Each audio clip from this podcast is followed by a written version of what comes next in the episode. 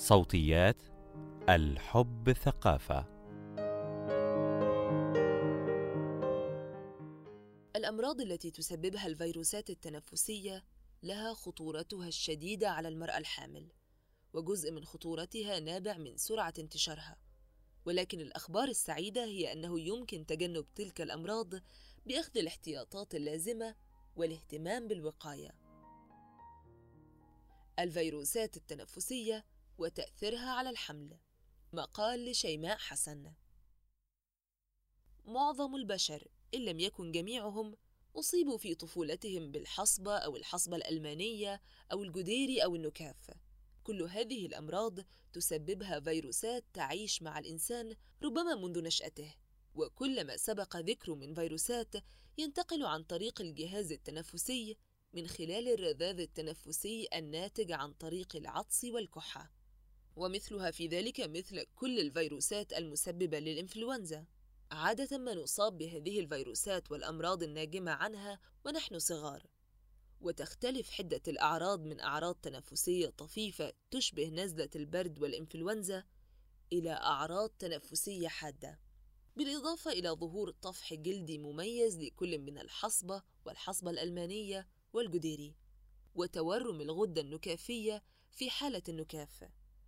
وقد يصاب الطفل بهذه الفيروسات ولا تظهر عليه أي أعراض.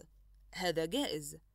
ورغم إصابة الطفولة هذه حتى بعد تناول التطعيمات الإجبارية إلا أن تأثيرها أو لنقل مضاعفاتها بسيطة ونادرة بالنسبة للأطفال والمراهقين.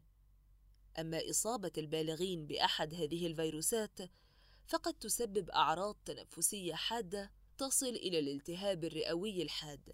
وقد تصاب الحامل بأحد هذه الفيروسات إذا خالطت أشخاصا أو أطفالا مصابين. وفي هذه الحالة تختلف المضاعفات باختلاف فترة الحمل التي أصيبت فيها. وقد يصل الأمر إلى الإجهاض أو ولادة جنين ميت أو مصاب ببعض التشوهات الخلقية. ولسوء الحظ لا توجد حتى الآن طريقة لمنع هذه المضاعفات. لذلك تظل الوقاية هي الحل الأسلم. الفيروسات التي تؤثر على الحامل. أود الإشارة أولاً إلى أن أعراض هذه الفيروسات على الحامل هي نفسها التي تظهر على غير الحامل وهذه الفيروسات واحد الحصبة الألمانية والحصبة. الحصبة الألمانية ليست مرضاً خطيراً بشكل عام لكن إذا تعرضت سيدة حامل لم تحصل على تطعيم الحصبة الألمانية خلال الطفولة لأشخاص أو أطفال مصابين بالحصبة الألمانية وخاصة إذا كانت الإصابة خلال الأسابيع الاثني عشر الأولى للحمل فقد يحدث إجهاض للحمل أو ولادة جنين ميت أو ولادة جنين مصاب بمتلازمة الحصبة الألمانية الوراثية. وأعراضها هي ولادة طفل صغير الحجم مصاب بطفح جلدي وقد يصاب بالعمى والصمم وتشوهات بالقلب ويحدث له تدمير لخلايا الكبد والطحال. اثنان الجديري. إصابة الحامل بالجديري خاصة إذا لم تكن حصلت على التطعيم في الطفولة قد تؤدي إلى حدوث متلازمة الجديري الوراثية للجنين وذلك عند الإصابة خلال الأسابيع العشرين الأولى للحمل. ومن أعراضها ولادة طفل برأس صغير الحجم وندبات بالجلد وتشوهات بالأطراف والعمى. ولكن هذه المتلازمة نادرة الحدوث. أما إذا أصيبت الحامل في الثلث الثاني من الحمل فعادة ما يولد الطفل طبيعياً. وقد يظل الفيروس كامناً بجسم الطفل عدة أعوام ثم يظهر في شكل حزام ناري وهو طفح جلدي مصحوب بالتهابات شديدة وألم عنيف. ثلاثة النكاف. إذا أصيبت سيدة حامل بفيروس النكاف خلال الثلث الأول من الحمل فقد يحدث إجهاض للجنين والنكاف هو المرض الناتج عن فيروس النكاف يصيب الأطفال في سن المدارس وما قبلها حيث تتورم الغدة النكافية غدة على الخد أمام الأذن تفرز اللعاب.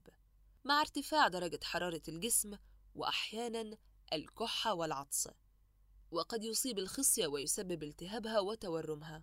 ونادرا ما يؤدي إلى انكماشها أو يسبب العقم عند الرجال. الكورونا. مع بدايات عام 2020 ظهرت حالات إصابة بفيروس الكورونا المستجد كوفيد-19 وهو أحد الفيروسات المتشابهة مع الفيروسات المسببة للإنفلونزا والذي انتشر وبسرعة حول العالم. حتى أعلنت منظمة الصحة العالمية عن جائحة الكورونا العالمية. وكما تنتشر الحصبة والجديري عن طريق رذاذ الأنف والفم الناتج عن العطس والكحة فإن الكورونا ينتشر بنفس الأسلوب. وحسب مركز مكافحة الأمراض الأمريكي وفي إطار ما هو متاح من المعلومات حتى الآن فإن فرصة إصابة الحامل بفيروس الكورونا هي نفسها لغير الحامل.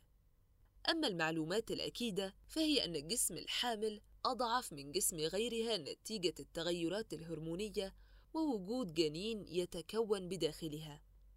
وقد تتعرض الحامل لأعراض تنفسية أكثر حدة حتى مع الإنفلونزا العادية ولأنه لا توجد حتى الآن معلومات علمية دقيقة حول تأثير إصابة الحامل بفيروس الكورونا سواء على الحمل أو على الجنين ولم يتمكن العلماء والأطباء من تخليق تحصينات ضده. فإن الوقاية من الإصابة هي أهم ما يمكننا فعله حيال هذا الفيروس. ويمكن الوقاية بتجنب مخالطة أشخاص مصابين بالفيروس وغسل الأيدي بالماء والصابون أو تعقيمها بالكحول باستمرار وتعقيم الأسطح التي يسهل ملامستها باستمرار أيضاً. التطعيمات بفضل التحصينات والتطعيمات ضد هذه الفيروسات استطاع البحث العلمي والطبي تقليل حدة وخطورة هذه الأمراض. جميع الرضع حول العالم يتناولون التطعيم الثلاثي ضد الحصبة والحصبة الألمانية والنكاف MMR خلال العامين الأولين حسب جداول التطعيمات في كل بلد. ورغم أن الحصبة الألمانية مرض بسيط كما أشرنا إلا أن إصابة الحامل به تؤدي وبنسبة 90% إلى ولادة طفل مصاب بمتلازمة الحصبة الألمانية الوراثية CRS هذا إذا لم تؤدي الحصبة لوفاة الجنين أو الإجهاض المبكر بحسب مركز مكافحة الأمراض هناك مئة ألف طفل حول العالم يولدون كل عام بهذه المتلازمة ولذلك أطلقت منظمة الصحة العالمية عدة حملات حول العالم لإيصال هذا التطعيم لكل أطفال العالم.